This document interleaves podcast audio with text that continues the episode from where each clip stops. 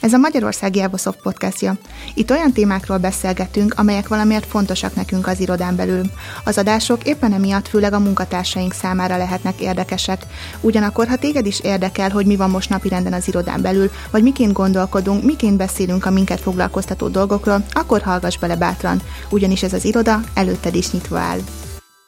Sziasztok, ez itt az Evo Talk, a beszédes podcast, az Evosoft podcastnak egy külön rovata, ahol a nyilvános beszéddel és előadással kapcsolatos témákról tárgyalunk, beszélgetünk vendégekkel, amelyek minden napok során is hasznosak lehetnek a számodra, és a karrieredben is segíthetnek.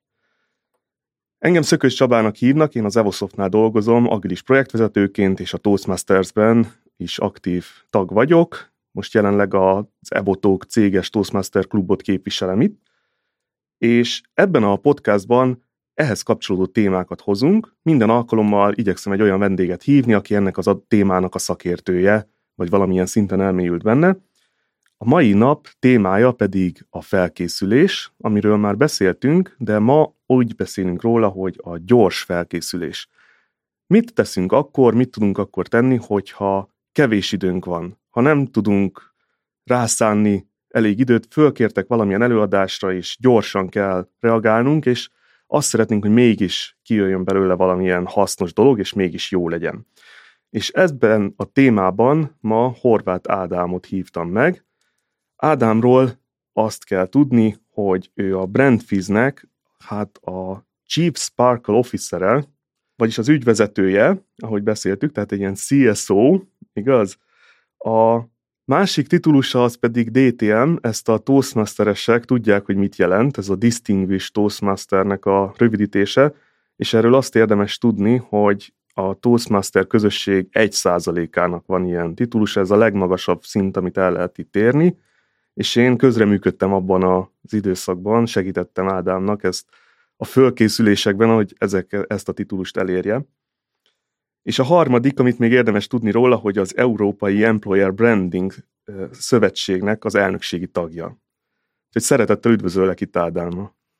Szia, köszönöm szépen a meghívást, üdvözlöm a hallgatókat, és hadd kezdjem egy gratulációval, hogy ezt így egyben el tudtad mondani. Reméljük, hogy a különböző titulosok Kellettek ellenére, hozzá. igen, még, még mindig itt, itt vannak velünk a hallgatók, úgyhogy tényleg nagyon szépen köszönöm a meghívást, és alig várom, hogy ezt az izgalmas témát átbeszéljük, hogyan lehet gyorsan felkészülni. Igen, de azért én még egy picit leragadnék, hogy ez a Chief Sparkle Officer, ez, ez mit jelent? Ez azért nem egy hagyományos titulus. Igen, ugye munkáltatói márkaépítéssel foglalkozom, most már több mint másfél évtizede, tehát az a, a szakmám, hogy hogyan tudunk jobb munkahelyeket létrehozni, és hogyan, hogyan tudjuk beletenni azt a pesgést, ami miatt egy munkahely vonzó lesz, ami miatt az emberek szívesen csatlakoznak és szívesen maradnak. És ez a sparkle, ez a kis szikra, ez a kis mhm. extra, uh-huh. ez jelenik meg a titulusomba is.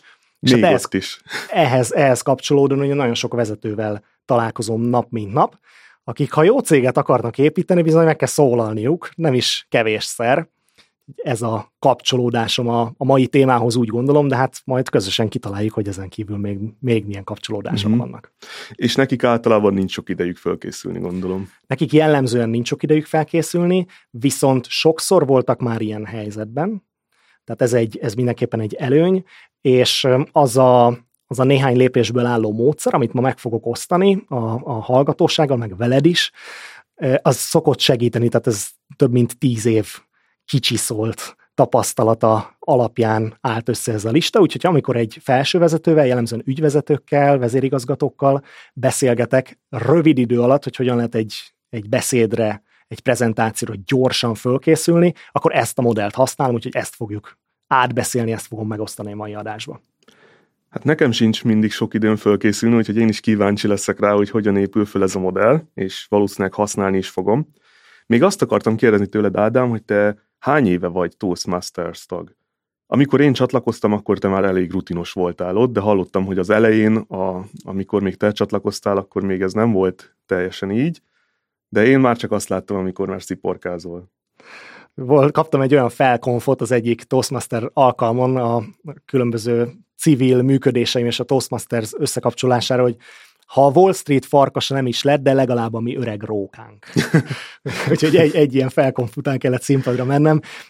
hat, lassan 7 éve vagyok tagja a, a szervezetnek, és a, az én kapcsolódásom ehhez a, a, a közösséghez egy másfél évnyi hezitálás után történt meg, tehát én nekem ajánlották ezt a, ezt a közösséget, hogy ez a Toastmasters tök jó, és ott meg lehet tanulni, beszélni, és én annyira féltem, annyira sok a gályom, félelmem volt annak kapcsán, hogy, hogy ilyen környezetben menjek, hogy másfél évig halogattam, mire az első ilyen alkalomra elmentem, és egyébként azért, mert azt feltételeztem, hogy egyrészt nagyon-nagyon jó beszélők lesznek e-, ezen a helyen, és hogy hát hozzájuk képest nem fogok jól teljesíteni, másrészt pedig féltem attól, hogy, hogy hát ez a rossz szereplés, ez egy rossz élmény lesz. És a, a feltételezéseim közül az első beigazolódott, mert tényleg nagyon jó beszélőkkel találkoztam, viszont egy elképesztő támogató, nyitott, csillogó szemű közösségnek a tagja lettem, és ha már ritkásabban is járok vissza a mostani, mostani időkbe, de rengeteget kaptam, és most már abban az időszakban vagyok, amikor igyekszem visszaadni, és másoknak segíteni azzal a tapasztalattal, amit összegyűjtöttem az évek alatt. Ismerős ez a szituáció. Én is gondolkodtam, én csak egy évet gondolkodtam, amíg csatlakoztam a Toastmasters klubhoz, de csak úgy mertem elmenni, hogy vittem magammal egy barátomat. Mert egyedül nem mertem bemenni ebbe a társaságba, de hát utána ott ragadtam én is. A beszédekre viszont általában nincs egy évnyi felkészülés. Igen. vagy másfél. Azokra nincs, és a, a Toastmastersben vagy más helyeken te gyakran használtad ezt a technikát, amiről most majd fogunk beszélni, hogy gyorsan fölkészültél? Nagyon, nagyon gyakran, rögtön az első beszédemtől kezdve, ugyanis az, az első beszédem volt az, amit leírtam papírra. És rájöttem, hogy ez nekem nem megy. Tehát nekem valami más megoldás kell, mert képtelen vagyok szóról szóra bemagolni egy szöveget, még ha sikerül is, akkor is annyira levesz a színpadi jelenlétemből, vagy amikor ezt élőben előadom, hogy, hogy azt éreztem rögtön az első alkalom után, hogy nem ez az én utam, hogy kell, hogy legyen egy más megoldás, kell, hogy valahogy máshogy tudjak felkészülni a beszédekre, hogy meg is jegyezzem, hogy a fő gondolatok ott legyenek, viszont nekem ez, hogy, hogy tényleg akár egy hosszabb beszédre szóról szóra leírom és bemagolom, e, ez nem az én utam. Erre viszonylag hamar, hamar rájöttem. Úgyhogy valahonnét innét, innét indult a, a, az elején az én felkészülésem, most pedig napi szinten akár tárgyalási helyzetekben, de rengeteg konferenciára hívnak előadni, vezetőknek segítek, illetve van olyan, amikor, amikor vezetőkkel közösen például egy, egy vállalaton belül elindítunk egy, egy programot, ami azt célozza, hogy, hogy hogyan tudunk jobb munkahely lenni, akkor nagyon sokszor közösen állunk színpadra, tehát mondjuk egy vezérigazgató megnyitja az alkalmat, de van, hogy, hogy én folytatom és egy workshopot tartok, uh-huh. illetve ahol még tudom használni, az az, ami egyébként HRS a végzettségem, és ilyen formában sokszor például nagyköveti programokat indítunk el, amikor vállalati nagyköveteket képzünk, és ott bizony meg kell őket tanítani arra, hogy hogyan tudják verbalizálni azt az egyébként sok jó gondolatot, ami a fejükben van. Úgyhogy igen, napi, heti szinten használom azt a tudást, amit, amit megszereztem, és igyekszem gazdagítani a tapasztalataimat. És e, ennél a fölkészülésnél még azért ezt meg kell kérdeznem, hogy én látok ebben egy rizikót. Tehát, hogyha most megtanítasz valakit, hogy föl tud készülni egy beszédre rövid idő alatt, akkor miért készüljön föl hosszú idő alatt? Tehát, hogy mi a, mi a különbség közte szerinted, hogyha, hogyha egy rövid idő alatt megy egy fölkészülés, vagy hogyha rendesen, mondjuk rendesen, nem tudom, hogy ez ha, a... ha nem hosszú idő alatt készül fel, akkor nem rendesen készül fel? Hát igen, ezt mondom, hogy nem vagyok benne biztos még, hogy ez a helyes kifejezés. Szerintem... Szóval akkor alaposabban mondjuk hmm. úgy. Igen, ugye ezek a megoldások, amiről beszélni fogunk, ezek segíthetnek olyan helyzetben, amikor tényleg abban a szituációba kerülsz, hogy, hogy már nem marad sok időd. De azért azt látni kell, hogy két dolgot nem lehet elsporolni. Az egyik, hogy jellemzően előzd meg, tehát ez a nulladi pont, előzd meg, hogy marra kevés időd legyen a felkészülésre, tehát van valamennyi idő, és ezt ugye mindenki attól függően tudja eldönteni, hogy mi az, amire felkészül, mennyire jártas abban a szituációban és abban a témában, mennyi tapasztalata van már ebben, tehát hogyha egy olyan témáról kell beszélnem, amiről már 15-ször adtam elő, akkor véletlenül gyorsabban fogok tudni felkészülni. Itt ugye arra érdemes figyelni, hogy érdekes is legyen, mert ha már nagyon sokszor uh-huh. mondtam, és unom, akkor ez át fog jönni a, a, a közönségnél. A másik kupac, tehát az első, hogy igazából ne kerülj ilyen helyzetbe hogy nagyon kevés uh-huh. idő alatt készülsz fel. Tehát ne Ezt köszönöm, ennek, ennek örülök, tehát hogy azért nem ez, nem ez az a, az út, amit mindenképpen javaslunk, hogy ezt kezdjük el csinálni, de hogyha ebbe a helyzetbe kerülsz, Igen. akkor viszont van egy van lehetőség, ilyen... hogy, hogy kihozd belőle a legtöbbet, Igen. de azért a legjobb az, hogyha erre rá tudod szállni. Hogyne, hogyne. Tehát azért gondoltam, hogy ez érdekes lett, mert azért sokszor kerülünk ilyen helyzetbe. És Abszolút. van, amikor önhibánkból, hát akkor le kell vonni a következtetést, hogy ó, bizony legközelebb több idő kell, és van, amikor egész egyszerűen a helyzet alakul úgy, bármilyen külső tényező miatt, és nem is akarok pálcát Ó, kreatív vagy mindig találsz egy külső tényezőt. Nem akarok pálcát törni senki feje fölött, és nem gondolom, hogy tisztem lenne az, hogy itt bíráljam, hogy na, ennyi benye irgum burgum, megint nem készültél fel, hanem ha már egyszer ebben a helyzetben vagyunk, akkor nézzük meg, hogy mi az, ami kihúzhat a slamasztikából, mi az, ami, uh-huh. segíthet abban, hogy mégis jól teljesíts. De ez csak az egyik, a másik az viszont a folyamatos készségfejlesztés, és emellett nem tudunk elmenni, ha valakinek beszédhibája van, akkor ő készülhet sokáig, készülhet villámgyorsan, használhatja ezeket a módszereket a közönség, zavarni fogja az, hogy ő hibásan beszél. Tehát e- ezeken ezeket ki kell csiszolni. Az, hogy milyen előadó vagy, és akkor itt a Toastmaster univerzumából rengeteg dimenziót behozhatunk, hogyan keresel témát, hogyan méret föl, hogy mi a közönségnek az érdekes, hogyan osztod be az idődet, hogy épül föl a struktúrája egy beszédnek, mi a főüzenetet. Tehát rengeteg olyan eleme van, amit készségszinten, de itt a légzés technika, az előadás technika, a testbeszéded, amit most itt nem is tudunk megmutatni, hiszen csak a hangunkat hallja az, aki most hallgatja ezt a műsort, de ezért itt nagyon sok olyan készségszintű dolog van, amit bizony folyamatosan fejleszteni kell, mert hogyha állandóan pingvinezel, ami ez a billegés jobb lábadról a bal lábadra, és nagyon halkan beszélsz és motyogsz magad elé, akkor is mindegy, hogy amúgy a felkészülésben sok vagy kevés uh-huh. tehát ez, ez, ez levonja a a hatásodat. Tehát ez a két dolog, hogy bizony fel kell készülni, ez az ideális eset, és azokat a készségeket, ami ahhoz kell, hogy te igazán jó előadó legyél, ezeket bizony meg kell tanulni. Ezt nem lehet megúszni. Ez két olyan nulladik pont, meg mínusz első pont, amire egyszerűen oda kell figyelni. Igen, erre akartam utalni, hogy szerintem ilyen esetekben, hogyha nincs annyi időt fölkészülni, akkor visszaesel minőségben, és visszaesel arra a minimum szintre, amit tudsz hozni, Viszont, hogyha van rutinod, már használtál, sokszor adtál elő, akkor ez a minimum szint azért már kicsit magasabban van. Tehát ezeken lehet javítani, és nekem ebben segített sokat a Toastmasters például, hogy ezt a rutint ezt meg tudta emelni, vagy be tudtam építeni nagyon sok mindent. Pontosan. Ennyi, ennyit hadd tegyek hozzá, hogy, hogy tőlem is szok, meg szokták kérdezni, hogy Ádám, hogy mit kaptál a Toastmasters-től. És én azt szoktam mondani, hogy hogy én egy közepesen gyenge előadó voltam a Toastmasters előtt. Ezt És nehéz elhinni. Mondok egy konkrét példát.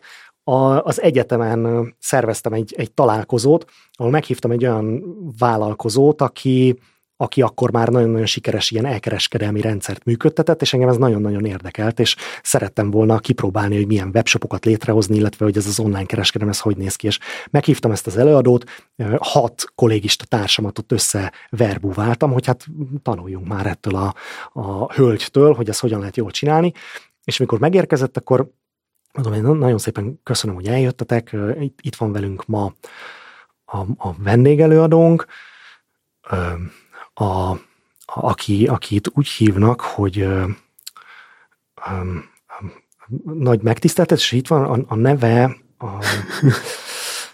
ö, ö, úgy, úgy, úgy hív, és nem tudtam bemutatni. Hat ember előtt. Lefagytam.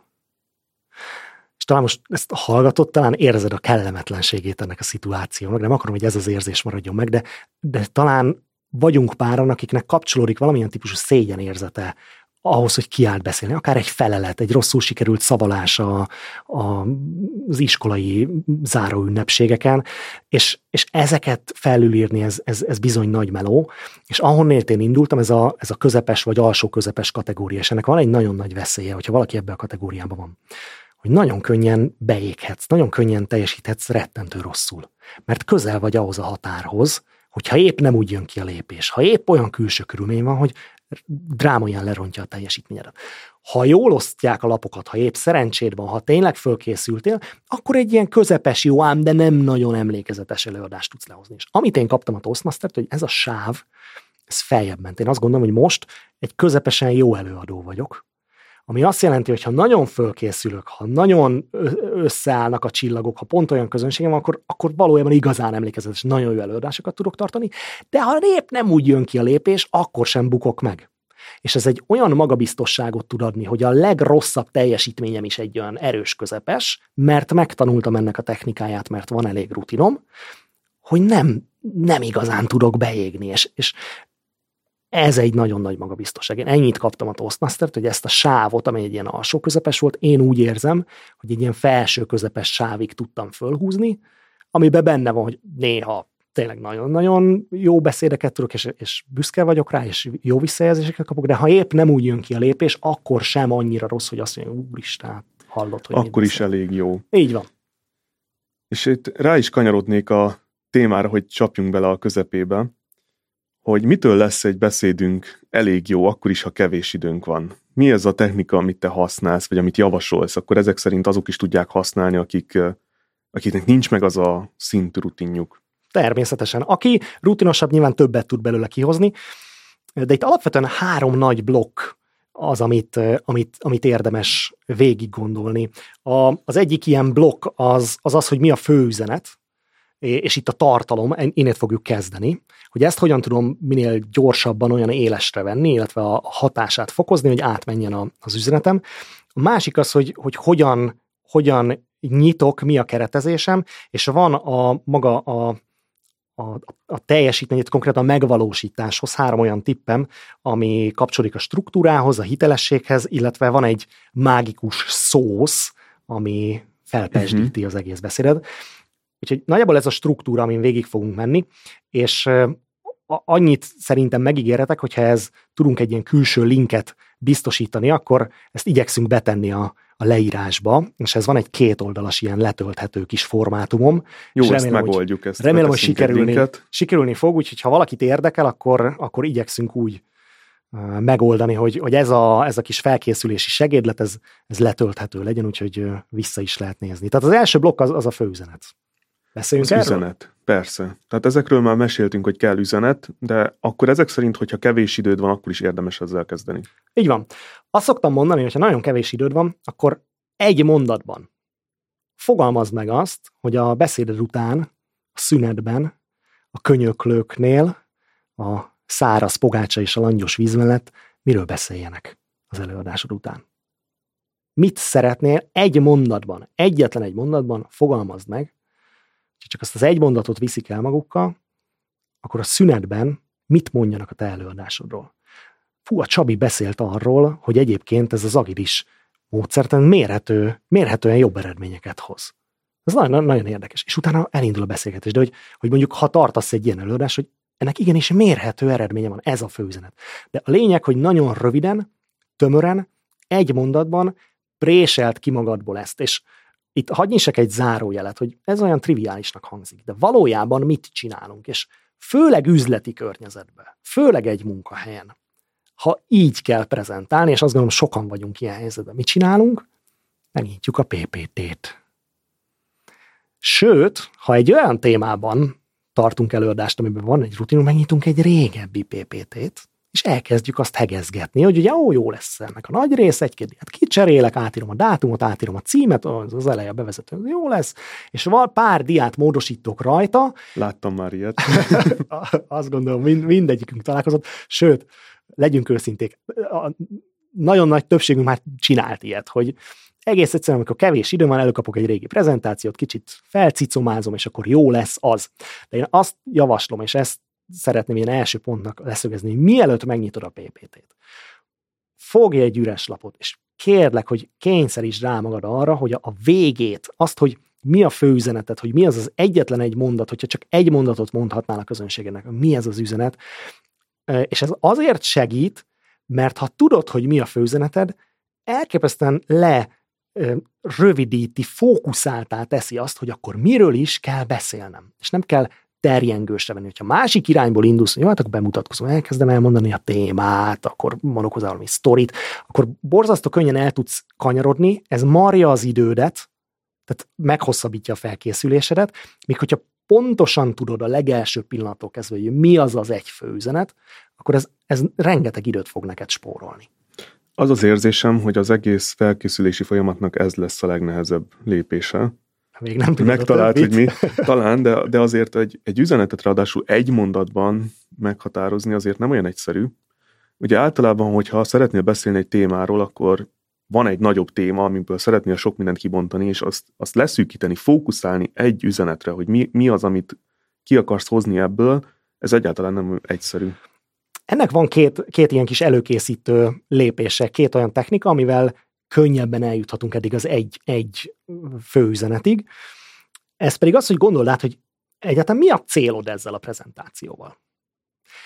És miért fel, hogy amúgy mi az a felelősség, ami, ami, vagy az a lehetőség, amit kaptál, hiszen képzeljük el, hogy mondjuk egy 120 fős rendezvényen te kapsz fél órát.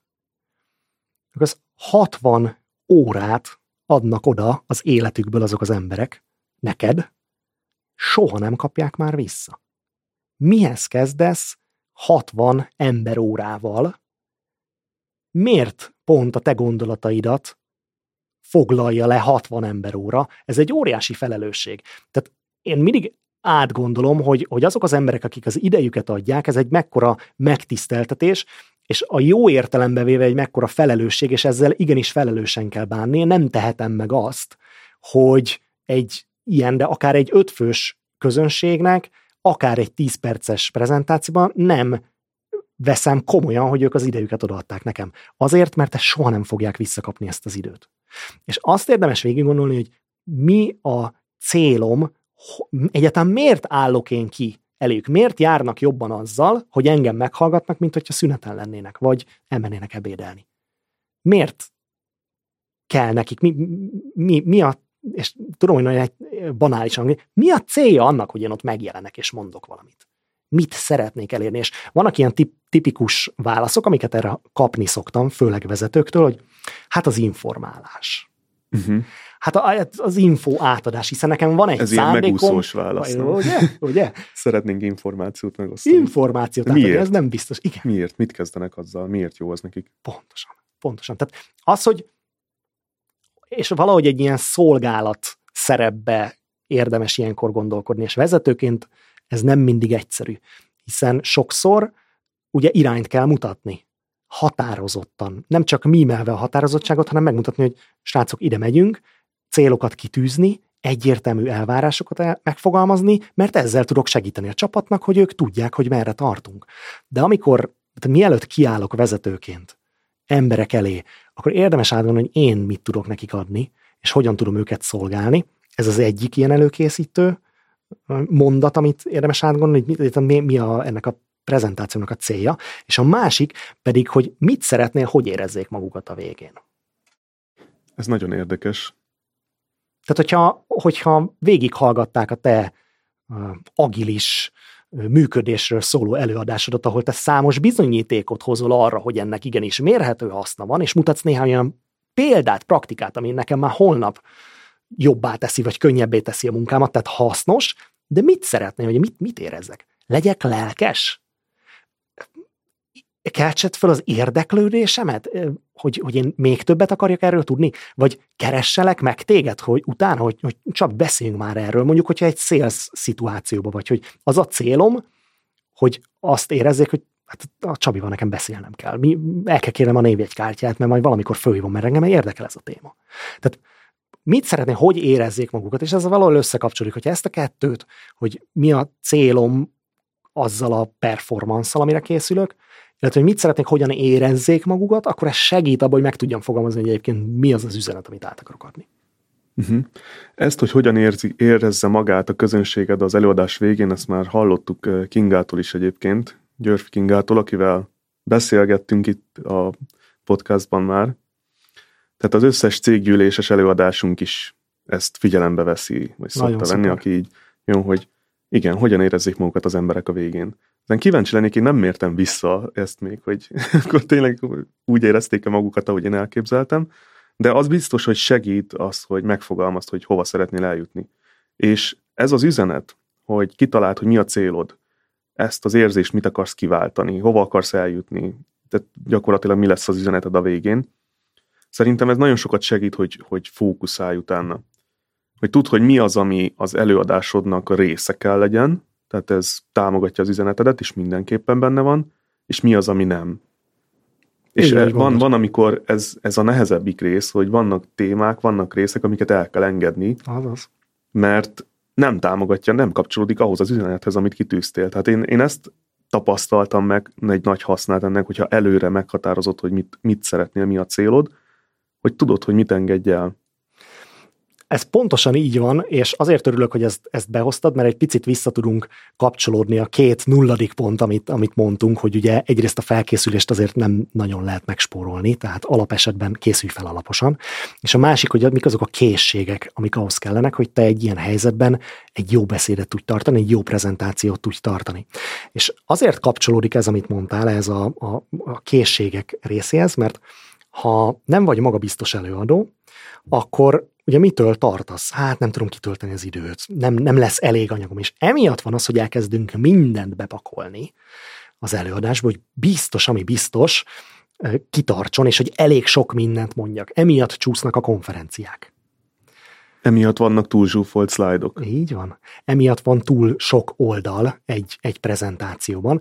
Ugye van egy ilyen ökölszabály, hogy általában érdemes, hogyha prezentációt tartasz, érdemes úgy készülni, hogy hogy ha a, a magyar vagy a közép-európai ilyen vállalati környezet, és doktor Prezi, doktor Német Zoltán itt most valószínű, hogy a haját tépni, hogy ez a bullet pointos, felsorolós, szöveges verzió. Nyilván nem csinálunk ilyet, na de azért tegyük a szívünkre kezünket, nagyon sok vállalati prezentáció így néz ki. Tehát, hogyha ilyen típusú szlájdok, diák vannak a prezentációban, akkor jellemzően egy dia az két perc hogyha nekem fél órán van, akkor a 15 diát viszek be, max. Jó, lehet alkudozni, ilyen beszoktak alkudozni, ez nyitó záró. Jó, oké. Okay. Az még akkor belefér, de általában érdemes így kalkulálni. Ha az ember angol száz területen ad elő, ahol sokkal inkább a kép és egy nagy szó, vagy egy valamilyen videó, egy vizuál van egy ilyen dián, akkor ezt egy picit jobban lehet pörgetni, de, de egy dia per perc alá öngyilkosság menni. Tehát, hogyha te neked 30 perced van, és 25-30 diánál jársz, ha 45 diád van, biztos, hogy törölnöd kell. Egészen biztos. És ebben segít az üzenet. Így van. Így mit van. törölj ki? Tehát Illetve, előkapod a régi diákat, és tudod, hogy mit kell, mit tudsz ebből kivenni. Illetve a készségeit, tehát amikor készségekről beszélünk, akkor ugye benne van az, hogy, hogy be tudom-e osztani az időmet. Hogyan osztom be az időmet, hogyan mérem például az időmet. Kapok erre vonatkozóan visszajelzést. Hogyha látom, hogy mondjuk egy félórás prezentációból öt percem van hátra, akkor hogyan zárok? Mikor emelek ki különböző blokkokat a beszédemből, hogyha mondjuk menet közben megcsúszok. Tehát ezek olyan készségek, olyan gyakorlati előadói tudás, ami segíthet abban, hogy ugye letisztítsd, és hogyha ezeknek a képességeknek a birtokába vagy, magabiztosabb leszel, és bátrabban tudod elhagyni. azokat az elemeket, amik nem kellenek. Úgyhogy így kapcsolódik össze az, amit mondtál, hogy bizony vágni kell. Az emberek általában azért nem vágnak a prezentációban, félnek, hogy nem tudják kitölteni az időt, és akkor lesznek ezzel kapcsolatosan bátrabbak, hogyha már rutinjuk van abban, hogy az idejüket hogyan lehet beosztani, és pontosan tudják, hogy mik a fő üzenetek. Egyébként én hálásabb vagyok, hogyha valaki befejezi egy hatásos üzenettel a beszédét vagy előadását hamarabb, mintha a végén nem tudjuk, hogy hova jutottunk, de még tovább is tartott ráadásul cserébe. Az hát azért lehet, hogy így jobb ez. Az előadói népszerűség 50%-a az abból jön, hogy időben befejezed, de sajnos elrettentő példákat nagyon sokszor látunk, hogy egy konferencián legutóbb, amikor, amikor előadtam a közvetlen előttem lévő előadó, egy egyetemi tanár volt, aki a témáról nagyon sokat tudott beszélni. Bizonyos részeiben érdekesen is, de mindenképpen sokat és a 20 perces előadását 45 percre sikerült kihúznia, ezzel megburítva a teljes konferenciaprogramot, tehát elbeszélte az én következő 20 perces előadásomnak az idejét is. Ilyenkor ezzel mindenkit kellemetlen helyzetbe hozol, és érdemes tényleg arra figyelni, hogy ha 20 perced van, akkor 15 percre készülj, és az utolsó 5 percben ezeket a főüzeneteket mindenképpen el kell tudnod mondani, amikkel mm-hmm. zárni szeretnél. Nagyszerű, akkor megvan az első lépésünk, vagy itt még van valamilyen tippet, összefoglaljuk, trükköt, össze, összefoglaljuk ezt a részt, jó? Tehát az első, ez tényleg, hogy, hogy az üzenet, és ugye itt négy belső pontot soroltunk fel. Az első, hogy gondold át, hogy egyetem mi a jelenlétet célja. Tehát miért jó az embereknek, hogy téged uh-huh. meghallgatnak, és ez már egy előkészítése annak, hogy meg tud fogalmazni, hogy mit szeretnél, hogyan érezzék magukat az emberek. Uh-huh. És ezt is érdemes egy papírra fölírnod. És utána, amikor a PPT-t megnyitod, akkor legyen ott előtted ez a papír, hogy azt szeretném, hogy, hogy nevessenek. Akkor, akkor így állítom össze a diáimat, ez kell, hogy a vezérlő elvem legyen, jó hangulat legyen. Annyi sok komoly téma lesz, én jó hangulatot szeretnék. Tehát gondold át, hogy mi az, amit szeretné, hogy érezzék magukat, az a második lépés. A harmadik, ugye, hogy mi a főüzenet, és akkor itt ezt pontosítanám, hogy ezen a ponton el kell jutnod oda, hogy tudd, hogy mi az utolsó mondatod a prezentációban. És ez bizony meg kell tanulni. Tehát ez az a rész, amit nem lehet lerögtönözni, melyik az a dia, melyik az a záró mondat, ami a világ összes prezentációjában a legtöbbször elhangzó záró mondat. Köszönöm a figyelmet. Tökéletes. Ez a fő üzenet? Ismerem. Ezt akarom, hogy ez, és ez a dia van fönt a legtovább a végén. Tehát ezt Igen, ez van kitéve, és utána a kérdés-válaszok alatt ott van, hogy köszönöm a figyelmet. Végig. Miközben az is kín lehetne, hogy amúgy az előadásomnak mi az a három legfontosabb üzenete, amit szeretnék, Pontosan. hogy elvigy magaddal. Tehát ezt a, az utolsó mondatot, ezt nagyon pontosan kell, kell tudni, és ami a zárása ennek a blokknak, hogy az utolsó mondatot fel kell építeni. És én azt szoktam javasolni, hogy a, a záró üzenet előtti öt mondatot azt azért jól gondold át hogy úgy igazán csattanjon az ostor. És majd nézzük, mindjárt beszélünk arról, hogy akkor hogy kell kezdeni, hogy a végén csattanjon az ostor, de ha valamit meg kell tanulni egy beszédből, amit tényleg érdemes kicifrázni, meggondolni a szavakat, a metaforákat, a hasonlatokat, a, ezeket a szóképeket, hogyha így akarok zárni, akkor bizony az, az, az ezt előkészítő, az előadásod főpontjaira visszahivatkozó négy-öt előkészítő mondatot, ezt, ezt kell, ennyit kell csak megtanulni. És kezd ezzel. Tehát mielőtt megnyitod, és akkor itt tartunk, na most itt meg lehet nyitni a PPT-t. Tehát ha tudod, hogy, hogy mi a egész pontosan a célja a prezentációdnak, ezt megfogalmaztad magad, hogy érzik majd az emberek magukat, mi az az egy záró gondolat, egy főüzenet, amivel be fogod fejezni az előadást, és ezt előkészíted, felhangolod a közönséget, hogy az utolsó mondatod az igazán ütős legyen, akkor itt most, ha ez megvan, akkor most már lehet szerkeszteni a, a prezentációt. És hogy miből tudod, hogy jó-e, ütőse a, a, a zárómondatod, abból, hogy nem kell bemondanod azt, hogy köszönöm a figyelmet. Ha igazán jól van kidolgozva, ha megtartod a hatásszüneteket, akkor az utolsó mondat után olyan hanglejtéssel, olyan tartalommal a közönség pontosan tudja, hogy ennek az előadásnak ez volt az utolsó mondata. És most taps. Tehát e, Érted? Tehát igen, ezt igen, kell igen. összerakni, és nem kell kimondani azt, hogy köszönöm a figyelmet, mert a közönség pontosan tudni fogja. Na, aki ide eljut, az azt gondolom, hogy már egy, egy, egy magas szinten van prezentációban. Ez nem olyan egyszerű. Az ember úgy szeretné lezárni, lekerekíteni a végén is. Ez a köszönöm, ez, ez egy olcsó módszer erre, vagy könnyű módszer erre. De amit mondasz, az kiválóan működik, ezt már próbáltam, és hogyha szépen föl tudod építeni, és ezért éri meg, mert nagyon erős zárást tudsz behozni, ha ezt már az elején átgondolod.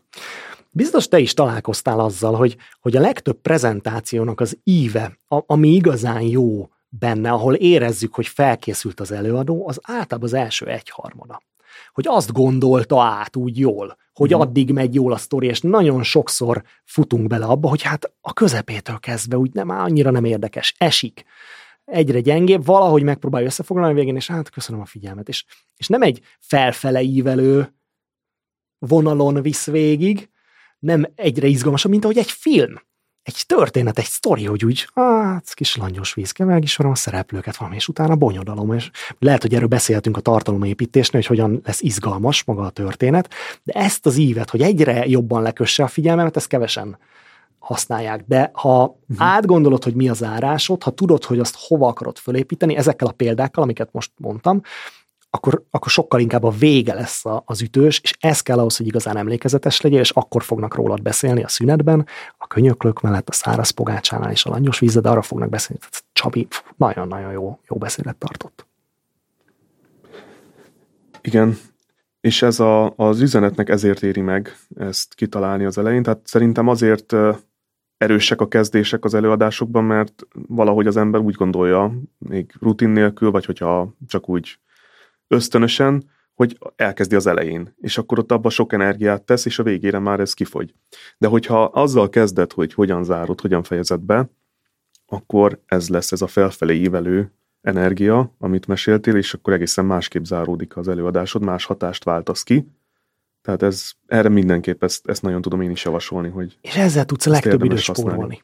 Tehát, hogyha arról beszélünk, hogy hogyan lehet röviden, gyorsan felkészülni, ez, ha, ha ebből az egész adásból egyetlen egy gyakorlati dolgot viszel el, kedves hallgató, akkor az az legyen, hogy kezd a végén. Ezzel tudod a legtöbb időt megspórolni. Ráadásul a beszédeknek, előadásoknak legyen az akármilyen hosszú, az elejére és a végére emlékeznek a legjobban az emberek. Pontosan. És ebből is inkább a végére. Ott még Így van. jobban. Így van. Tehát ha, ha azt úgymond elspórolod, hogy hogyan zárod le, akkor nem fognak emlékezni rá. Így van. Lehet, és egyébként lehet, hogy kiváltod az érzést, és azt mondják, hogy ne- sokat nevettek, vagy jól érezték magukat, vagy még inspirálódtak is, de másnap megkérdezik, hogy miről szólt ez, vagy mi is volt. Hú, nem tudom, de jó, jó, tetszett, de hogy már nem emlékszek pontosan, hogy mi volt. Mondok, egy, mondok egy-két példát, hogy mi az, ami tipikusan jó zárás, mert most picit beszéltünk ennek a technikájáról, de szerintem nagyon hasznos, hogyha egy-két konkrét példát erre mondunk. Uh-huh. Mi, mi lehet egy jó zárás? És mindig azt szoktam javasolni egyébként, főleg, hogyha ha, ha vezetőkkel beszélünk, hogy próbálj meg valami olyan főüzenetet megfogalmazni, ami, ami inspiráló. És ahhoz, hogy inspiráló legyen, az nagyon sokszor egy könnyű megoldás, hogy a, a jövőről beszélsz. Ezt politikai beszédeknél nagyon sokat alkalmazzák, de mondjuk, hogyha ennél a témánál maradunk, hogy te tartasz egy előadást arról, hogy egyébként az agilis módszertan az hogyan Most már működik. muszáj lesz most, most már muszáj lesz. De bedobhatunk másik témát is, de hogyha, hogyha ennél, ennél maradunk, akkor biztos, hogy valami olyan zárást képzelnék el, azon kívül, hogy érvekkel alátámasztod az álláspontodat, hogy példákat mondasz, ami miatt hasznosnak érzem, és nagyon hitelesít téged ez a, ebben, a, ebben a témában. De a zárás az, az valahogy a jövőkép. Képzeljétek el, hogyha átalakítjátok a működéseteket egy ilyen típusú szervezésre, hogyha ti is ezeket, a, ezeket az eredményeket, ezt a munkaidő csökkentést, ezt a, a javulást, minőségi javulást, hibaráta csökkenést el tudjátok érni, képzeljétek el, hogy milyen cég lesz ebből a vállalatból. Hogy hogy fogjátok érezni magatokat akkor, amikor a dolgok jobban mennek, mint most. Amikor ügyesebben, gyorsabban tudunk dolgozni, amikor látjuk, hogy az ügyfelünk elégedettebb. Képzeljétek el ezt a jövőképet, és most írjátok föl magatoknak a, füz- a füzetetekbe, hogy ezt mikorra éritek el. És hogyha beépítitek azt az egy, kettő, három módszert, amit mondtam nektek, akkor gyorsabban oda fogtok érni, mint ahogy azt most gondoljátok. És itt az árás. Tehát az, hogy fölépítem, visszahivatkozom, és majd pár példát lehet, hogy erre, erre tudunk mondani, de hogy e- a, ha azt keresed, hogy milyen egy jó zárás, akkor az jó zárás inspiráló, és tök mindegy, hogy milyen témában beszélsz, egy picit azt mutasd meg, hogy ha megvalósul mindaz, amiről beszélsz, akkor mi lesz. Mert az Mhm. mindig inspirál, ahhoz mindig szívesen kapcsolódok, hogy oké, okay, értem, amit mondasz, és ha ez és ez lesz, na akkor az lesz. Igen, ez, ez tetszik, mert hogyha már elképzeled, az már egy fél siker. És Tehát, ha már el tudod képzelni, már az, az segít, hogy meg is valósuljon ez. Így van. Picit biztasd a közönséget, picit hited beletenni, és ez, ez tudom, hogy lehet, hogy egy vállalati környezetben ez túl sok érzelem, vagy azt gondolhatjuk, hogy, hogy nem működik, de nagyon is működik, mert, mert sokszor száraz az a, a ingerszegényebb, formálisabb az, amilyen környezetben vagyunk, és, és egy ilyen helyzetben, amikor, amikor azt mondjuk, hogy de, de ezeket a lépéseket, ha betartjuk, akkor, akkor látjuk, és pontosan kiszámítjuk, hogy ide fogunk eljutni, és ez tök jó lesz, és ezt mi együtt meg fogjuk tudni csinálni. Felpesdít minket egy picit ez a típusú attitűd.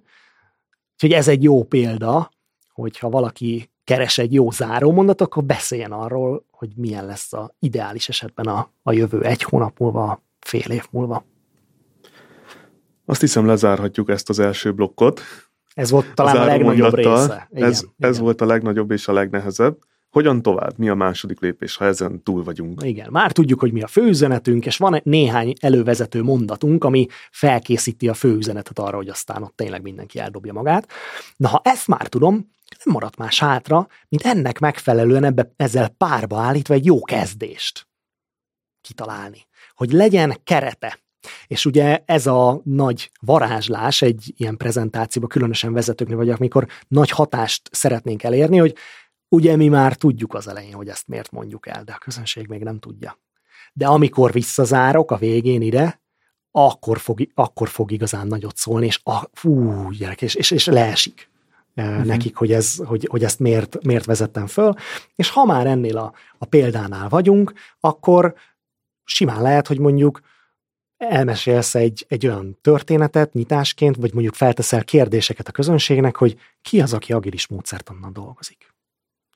És ki az, aki úgy érzi, föltettek, látok néhány kezdet, ki az, aki úgy érzi, hogy nála ez jól működik? Hát már sokkal kevesebb kéz. Na én is ugyanígy voltam, amikor, és elkezded mondani. És elkezdesz ráhangolódni arra, hogy hát bizony volt olyan helyzet, meghallottam először, nem, nem tudtam, hogy ez miről szól. Aztán beszélgettem néhány ismerősömmel, és nem mondtak ki túl jó dolgot róla. Mert azt mondták, hogy hát csak úgy csinálunk, mintha, de valójában ugyanúgy dolgozunk, ilyen patyomkin, agilis módszertan, és hogy hát elsumákoljuk igazából, nem is úgy csináljuk, és hogy csalódottak voltak az emberek. És én azon agyaltam, hogy hogyan lehet ezt jól csinálni, mert hát mégis biztos, hogy van, aki ezt jól csinálja, nem véletlenül vezették be a cégek ezt a típusú működést, de ezen gondolkodtam, és ez, ez a dilemmám volt 2016. decemberében, amikor először hallottam arról, hogy agilis módszertan. És a következő 20 percben szeretnék veletek megosztani pár példát, amit az elmúlt években tanultam, hogy mitől lehet igazán sikeres az agilis működés a cégedben. És ez már egy olyan nyitás, amit nem tudod, hogy majd mit, vagy nem tudja még a közönség, hogy hova fog zárni, de már felkelted az érdeklődést, és keretet ad a beszédnek, keretet ad annak, hogy majd hova fogsz visszazárni. Úgyhogy ez a következő tanács, ez az, amit föl lehet uh-huh. írni a listára, hogy ha már tudod, hogy mi a vége, akkor ezzel párba, ezzel tartalmi keretbe sok esetben működik az, hogy megfordítod. Hogyha a végén a pozitív jövőképről beszélsz, hogy mit okozhat az a termék, az a szolgáltatás, az a projekt, amit mondjuk házon belül prezentálsz a vezetőknek, és szeretnéd, hogyha igent mondanának rá. Szeretnéd, hogyha plusz embereket kapnál arra a projektre, plusz büdzsét, és elmondod, hogy amúgy hova lehet eljutni, akkor nagyon jó kontraszt, hogyha nehézségekkel kezdesz. Uh-huh. Ellentétben így van, ellentétpárokat. Uh-huh. Mert, mert nagyon könnyű ezzel azonosulni hogy hát nekem, nekem is ez a problémám, tökre értem Csabi, amit mondasz, én is ugyanebben a helyzetben vagyok. És lehet, hogy nem tudom, hogy mi a megoldás, de egyből odafigyelek rád, mert és egyébként ezzel a, a, a szimpátiát is tudod növelni, hogy nem az van, hogy ó, én vagyok a fő agilis óz, aki mindent tud, és majd én jól megmondom nektek, hogy egyébként ezt hogy kell csinálni, mert akkor egy távolságot növelsz előadóként. Hanem azt érzem, hogy hát a Csabi ugyanolyan, mint én, hát úgy, ugyanezek, én, én is ugyanezt gondolom, mint, mint a Csabi. Tehát hasonlónak érzem magam, és sokkal könnyebben elfogadlak, sokkal könnyebb ráhangolódnom a te gondolataidra. Tehát ha előadóként gyorsan népszerűséget szeretnél szerezni, akkor próbálj meg hasonló lenni a közönségedhez, vagy egy picit megmutatni az esetlenségedet, adott esetben a hibáidat hadd utaljak vissza ebben a beszélgetésben is, elmondtad a különböző pozícióimat, különböző titulusaimat, és lehet, hogy valaki ebből azt gondolta, hát fú, biztos, hogy nagyon jó előadó az, akivel majd beszélünk, hát én nem vagyok ilyen jó előadó, miközben én is elmeséltem egy olyan történetet, amikor rettenetesen kellemetlen helyzetbe kerültem, és azt gondolom, hogy ez segíthet, hát, hogyha ha hat ember előtt valaki beéget, és utána, nem tudom én, DTM tud lenni a Toastmasterben, vagy országos bajnok, hát akkor én is meg tudom csinálni. Tehát ez a típusú esendőség, a hibáimnak a megmutatása, az segíthet a nyitásnál abban, hogy szimpátiát növelj, és hogy kapcsolódjanak hozzád a, az emberek. Igen, tehát érdemes olyan nyitást keresni, úgy megnyitni a beszédedet, előadásodat, hogy tudj kapcsolódni a közönséghez. Tehát, hogy hogyan tudsz hozzájuk kapcsolódni. Mi az, ami őket érdekelheti, mi az, ami... Amiben hasonló vagy, mint Amiben ők. hasonló vagy, Így igen. Van. Igen, ezt érdemes végig gondolni. És ami itt a... És, itt a... és nem, nem elfelejtve, hogy ami, ami aztán kapcsolódik neked a záró üzenetethez. Hogy ne? Van. Tehát, hogy itt ez, ebből szépen föl lehet építeni. Igen, és ugye arról beszélünk, hogy hogyan lehet ezt gyorsan csinálni, hogyha ezt párszor kipróbálod, akkor azért a fő üzenet megfogalmazása, annak az előkészítése, az viszonylag rövid idő alatt meg tudod tenni, akár egyébként ezt olyan gyorsan meg lehet, hogy mondjuk még a helyszínre odaérsz, és taxiban ezt átgondolod, és majd mindjárt mutatok egy példát arra, hogy ezt hogyan lehet nem csak átgondolni, hogyan lehet lerajzolni, vagy hogy milyen jegyzet formátumot javaslok, ami, ami szintén nagyon gyorsá teszi a felkészülést, erre is van egy módszer. De hogyha ez megvan, a főüzenet, akkor, akkor könnyen ez a keretes nyitás. Ha már ez a két fix sarokpont megvan, akkor azért annyira nagyon nem lőhetsz mellé, mert ami a következő javaslat az az, hogy legalább egy történetet mesélj el az előadásodban. Hát erről már mhm. biztos, hogy szakavatott mester kollégák, akik előttem szerepeltek, már beszéltek. Vagy fognak. Vagy fognak, vagy fognak. De hogy az, hogy egy személyes történet megosztása, hogy, hogy te neked milyen jó élményed volt az aglis módszertannal, milyen, milyen hiba, mi, mi volt a legnagyobb kudarcod ezen a területen, és az szokott működni, hogy legalább egy, maximum három ilyen történet szerepeljen az előadásodban. Ha egyetlen egy ilyen sincs, akkor, akkor el fogod veszíteni a közönség figyelmét. És minél előbb bedobod ezt a történetet, annál, annál, annál könnyebb. És van még egy nagy haszna a történetnek, hogy nagyon könnyű úgymond megtanulni, nem kell rá sokat készülni. Könnyű elmondani, az, hogy jól elmond, azt, azt tanulni kell, de, de alapvetően ezeket nem kell leírni. Ez olyan, mint amikor sörözés mellett elmondasz egy sztorit. Általában már sokszor elmondtad ezt a sztorit. Rutinos vagy benne, és hogyha megtanultad a nyitást, megtanultad a zárást, ennyit kell csak tényleg felkészülni és, és, és megtanulni, akkor utána már könnyen pár ilyen ponton végigmész, főüzenetek szintjén, és gyors felkészüléssel, magolás nélkül nem fogod elfelejteni, hanem eszedbe fognak jutni ezek már. Igen, a történeteknek van egy ilyen haszna, főleg egy ilyen gyors felkészülésnél, de amúgy, amúgy is hasznos, mert az emberek tudnak kapcsolni, meg így gondolkodunk, történetekben gondolkodunk. Tehát, hogy azonnal egy egész más lelki állapotba kerülsz, ha valaki mesél egy történetet, mintha csak adatokat, tényeket mond. De egy történet mesélésnél én azt tapasztaltam, hogy olyan előadók is, akik nem annyira rutinosak, és nagyon kell figyeljenek bizonyos technikákra, a történetmesélésben ezek sokszor automatikusan előjönnek. Tehát, hogy ott nem kell annyira figyelni arra, hogy, hogy most hogy tartod a szemkontaktust, hogy hogyan hangsúlyozol, hogy hogyan fogalmazod meg a mondatokat, mert ezek szinte automatikusan működnek. Tehát nagyon sok technika, ami amúgy nem könnyű, egy történetmesélés során az előjön belőled. Így e, ez, ez nekem nagyon érdekesen érdekes dolog volt, amikor ezt észrevettem több embernél is, magamon is. Ez például. pontosan így van. És mi történik az előadóval eközben? Megnyugszik. Tehát amikor az első ilyen történetet látom, hogy előadja egy előadó, és mondjuk elkezdi besz- a beszédét, és látom rajta, hogy ideges, hogy izgul, hogy lámpalázas. Az első olyan pont, ahol, ahol ezt látom távozni, ezt a lámpalázat, szinte mindig akkor van, amikor belekezd egy történetbe. Ami látszik, hogy komfortos, amikor elfelejti, hogy hol van, amikor belejön. Na, na, na most mm. már belejött, most már nem izgul annyira. Nagyon sokszor ahhoz kapcsolódik, amikor elkezd mesélni valamit. Mert könnyű ez. Ennek a, a hátterében egyébként az van, hogy a történetmesélés az bármilyen kulturális közegben év ezredek, tízezredek óta a miénk. Ha belegondolsz, akkor hat éves korunkig, amíg nem tudunk írni, olvasni, történetekből tanuljuk meg a világot. Ebből meséket hallgatunk, történetek, elmesél valamit apa, anya, én elmesélem valamit, azt mondták az oviban, mi történt itt, mi történt ott, ez volt a nagyszülőknél, így, így növünk fel. És ez teljesen mindegy, hogy a világ melyik részén vagy, ez mindenhol működik. Mert amíg nem tudsz írni, olvasni, történeteket hallgatsz. Ebből tanulod meg a szabályokat, ebből tanulod meg a szociális normákat, mindenkinek a sajátja. Tehát nagyon egy ilyen ősi belén kivódott dolog. És a, a másik, ami miatt jól működik, hogy amikor hallunk egy történetet, akkor bekapcsolódnak ezek, a, ezek, az, ezek az emlékek, és elkezdünk odafigyelni. És ennek vannak ilyen kulcs mondatai. Tudsz kapcsolódni hozzá, így van, érzelmileg is. Van. Igen. És erre mondok most pár példát, hogy mi az, amivel egy történetmesésben mik azok a fordulatok, amik miatt be tudod kapcsolni az embereknek ezeket a figyelem receptorait, ha lehet így nevezni, ami miatt oda fognak rád figyelni. És ennek a lépése, ez a hős útja, ez biztos ismered te is uh-huh. ezt, a, ezt a módszert.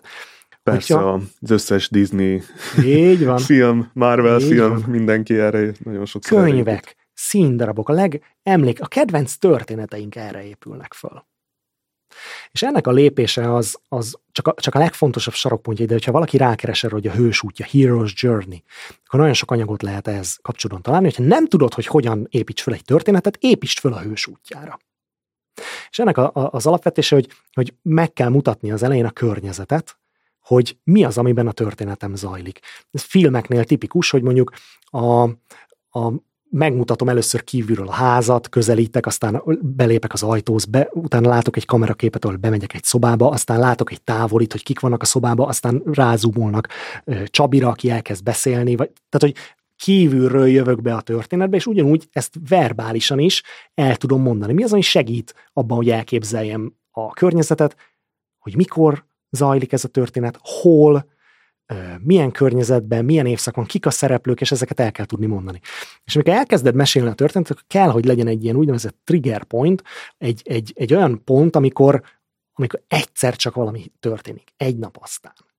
És utána így építjük fel a, a, a, a teljes feszültség tetőpontig, a climax, a top pont, amikor egy, egy akciófilmben itt törik össze a legtöbb autó, itt röpül a legtöbb lövedék, itt van a legnagyobb izgalom, és utána pedig oda zárunk, hogy hát boldogan éltek, amíg meg nem haltak.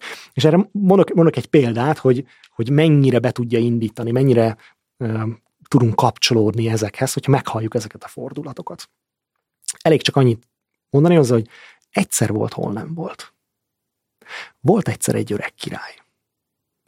Ez a király a hetet hét országon túlélt, túl az óperenciás tengeren, élt éldegélt a három fiával. Ennek a királynak a legkisebb fia egy napon azt mondja, édesapám, világgá megyek én, megkeresem a királylányt, a legszebbiket, megküzdök a hétfejű sárkányjal, kiszabadítom a királylányt a vár legmagasabb fokából, és enyém lesz a királylány keze, na meg a fele királyság. Így is tett, elindult. És ez csak a történetnek az eleje, de talán érezzük, hogy, hogy, hogy mennyire rá tudunk kapcsolódni egy ilyen helyzetre, és, és tudom, ú, most itt egy sztori jön. Tudat alatt bekapcsolódnak, és hogy, hogy egy lekonvertáljuk ezt az üzleti környezetre, hiszen az egyszer volt, hol nem volt, ezt mondjuk lehet, hogy egyszer el tudod lőni, de az alapvetően egy prezentáció során a vezetőség picit furán nézne rád. De hogyha itt a, a, a te történetedhez visszatérünk, mindig a te történetedhez térünk vissza, amit így kitaláltam. igaz is ki néha, hogy amúgy milyen, milyen, milyen sztorik. Lehet, hogy egy, egy, amúgy szerintem ez érdekelné a hallgatókat, hogyha van valamilyen agilis működéshez kapcsolódó történetet, hogy azt, hát, azt, hogy ne azt, majd, ah, hogy azt, azt majd el tud mondani, de hogy, hogy ha ennél a témánál maradunk, akkor, akkor tényleg ezt tudod például így kezdeni a, a történetedet, hogy, hogy emlék, kristály tisztán emlékszem az első napra, amikor életemben először hallottam azt a szót, hogy agilis. Egy hetedik emeleti irodában ültem itt Budapesten, egy ilyen és ilyen cégnél, és szemben ült velem három vezető, mindegyikük külföldi hogy agile van. Mi az, mi az, hogy agile? És csak azt láttam rajtuk, hogy lelkesek, hogy teljes energiával mondják, és az egyik dia jött a másik után, és én még nem is nagyon értettem, csak azt éreztem, hogy ez valami olyan dolog, amire oda kell figyelnem. Telt múlt az idő, nem volt nagy hatása ennek a prezentációk, egy nap aztán megcsörrent a telefonom. Fölhívott az egyik vezető, és azt mondta, Csabi, van egy szuper lehetőség, van kedved becsatlakozni? És azt mondtam, hát persze, Karl, miért ne? Na így indult az én történetem. És most lefordítottam uh-huh. üzleti környezetre az egyszer volt, hol nem volt történetét, de ha így mesélsz egy történetet, sokkal inkább figyelni fognak rád, és bekapcsolod azokat a nyomógombokat, ami ahhoz kell, hogy egy jó történetre igazán odafigyeljen a közönség. A történethez egyébként nekem is volna egy tippem, hogy ha kevés időd van, akkor hogyan tudod ezt így földobni. Főleg, hogyha megvan ugye a záróüzeneted, megvan a történeted, és a nyitáshoz segíthet, hogyha a történetből egyből a feszültségre kapcsolsz. Tehát egyből azt meséled el, ami, ami valahol a történeted egyik csúcspontja. A konfliktust megnyitod, és azt ott hagyod függőben utána. Tehát ha. elmeséled azt, hogy mi, ugye, ugye rengeteg film is így kezdődik. Bele a közepébe. Igen. Van egy nagy üldözés, mennek, borulnak az autók, valami történik, és akkor utána pak, visszalépsz az elejére, és akkor nézte, hogy mi történt. És később erre ugye visszacsatlakoznak. Tehát ezt, ezt én szoktam használni gyakran, ezt a technikát, és nagyon jól működik egyébként, hogy fölkelti azonnal a figyelmet, hogy hú, mi ez, mi történt itt, miről, miről van itt szó, és utána szépen elkezded a történetet az elejéről. Tehát még itt tudsz beletenni egy ilyen csavart, és ez is, hogyha ha nincs elég időt, hogy mondjuk kidolgozd, akkor ez egy jó kezdés lehet.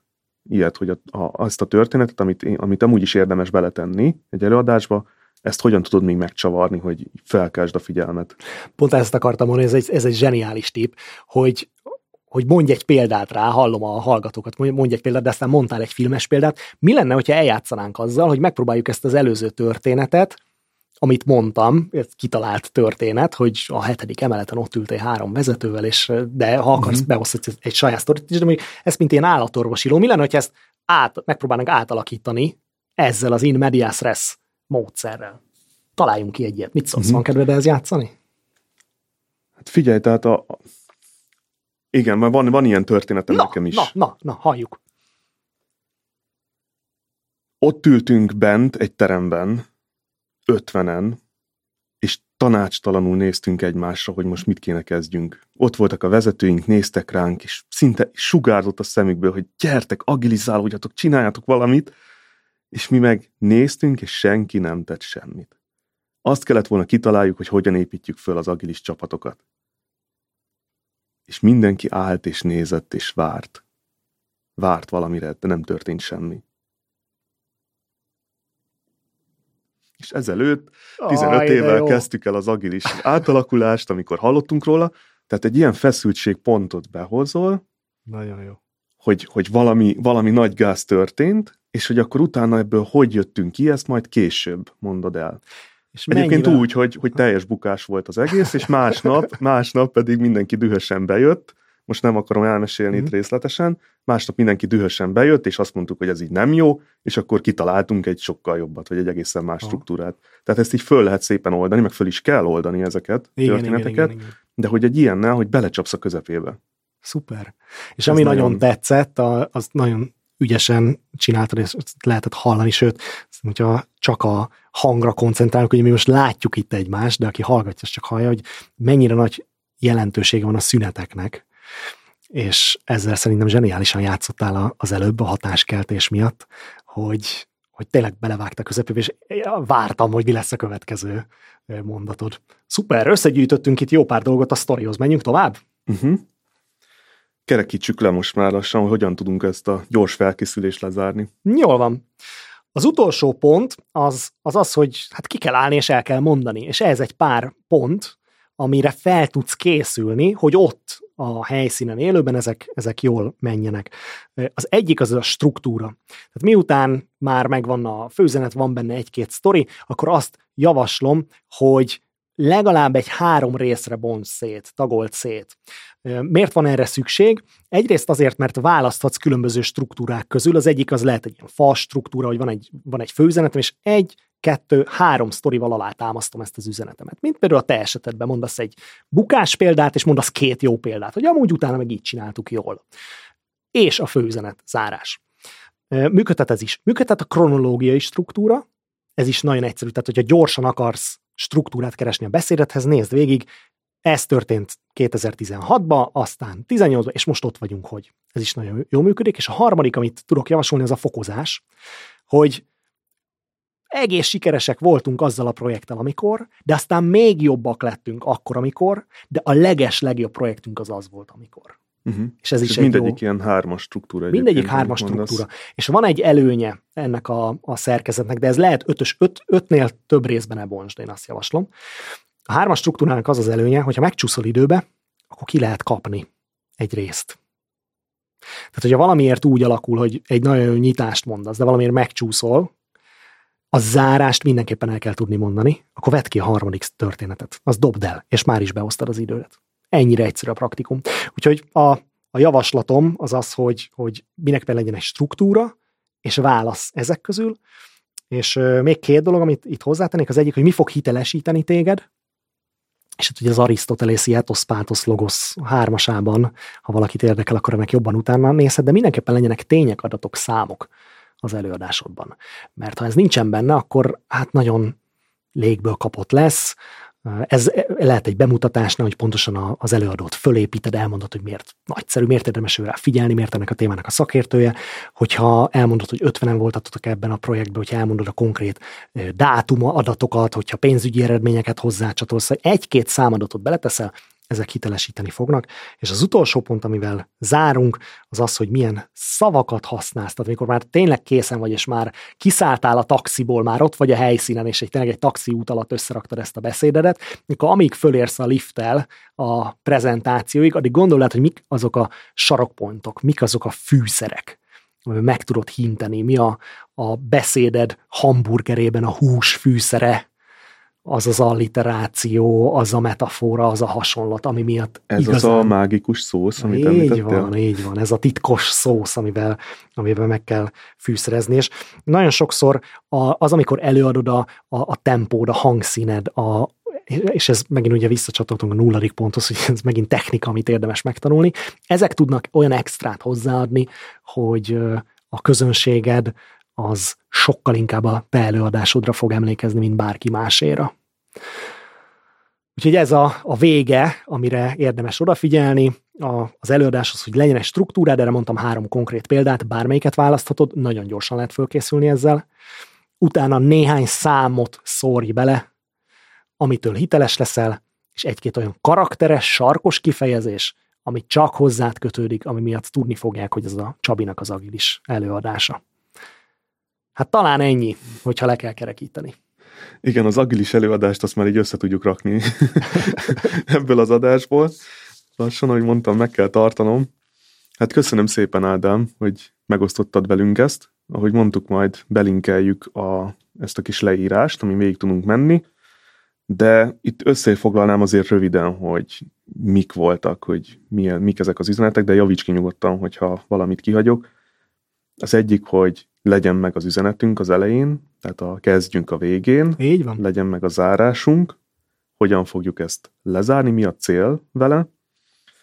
Ezt a zárást, ezt építsük föl, tanuljuk meg, és hogyha ez megvan, akkor lehet tovább lépni minden más lépésre, tehát akkor vehetjük elő a prezentációt, a beszédet, hogy hogyan akarjuk felépíteni, kitalálhatjuk, hogy hogyan kezdünk, ami visszautal a zárásra, ha szeretnénk ilyen keretes szerkezetet, és legyen egy történetünk, mert ez nagyon sokat segít abban, hogy hitelesebbek legyünk, hogy könnyebben tudjunk fölkészülni, ne kelljen annyi időt beletenni, és nagyon seg- sokat segít kapcsolódni a közönséghez, és az egész történetet emlékezetesebbé teszi, vagy a beszédünket.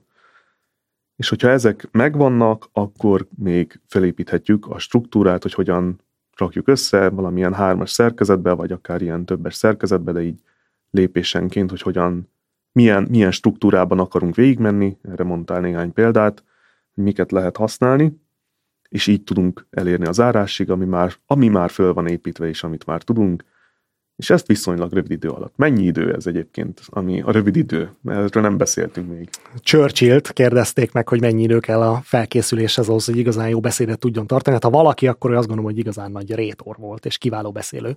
És az volt a válasz, hogy hát attól függ, és kérdezik, mitől? Hát, hogyha van két órám, akkor kezdhetjük.